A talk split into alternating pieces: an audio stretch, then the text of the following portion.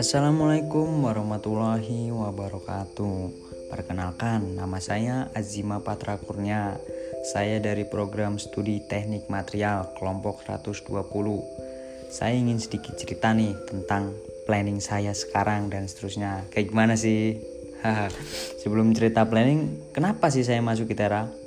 Ya karena saya tertarik gitu pada jurusan-jurusan baru. Nah, jurusan-jurusan baru itu adanya di ITERA Pertanyaannya, kenapa sih saya memilih jurusan-jurusan baru di ITERA? Menurut saya peluang kerjanya masih sangat luas gitu. Jadi saya ngambil teknik material. Nah, balik lagi nih untuk planning.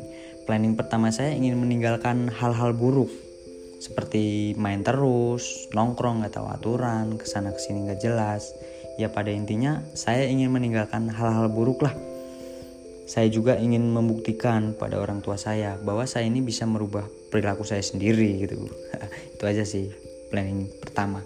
Nah planning menengah untuk planning menengah memperbanyak kawan sih terutama. Penting banget sih itu.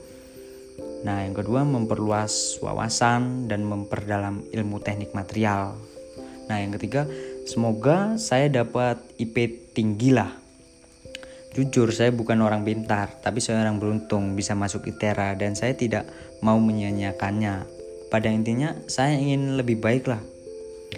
Nah, untuk planning jangka panjang, saya ingin menjadi orang sukses.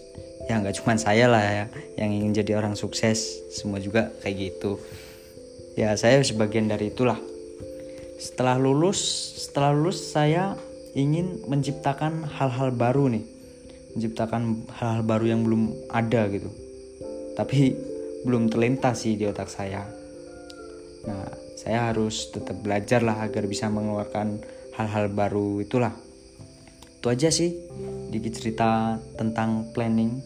Oke sekian untuk cerita ini. Terima kasih buat teman-teman yang sudah mendengarkan. Semoga bermanfaat untuk kita semua. Saya akhiri. Assalamualaikum warahmatullahi wabarakatuh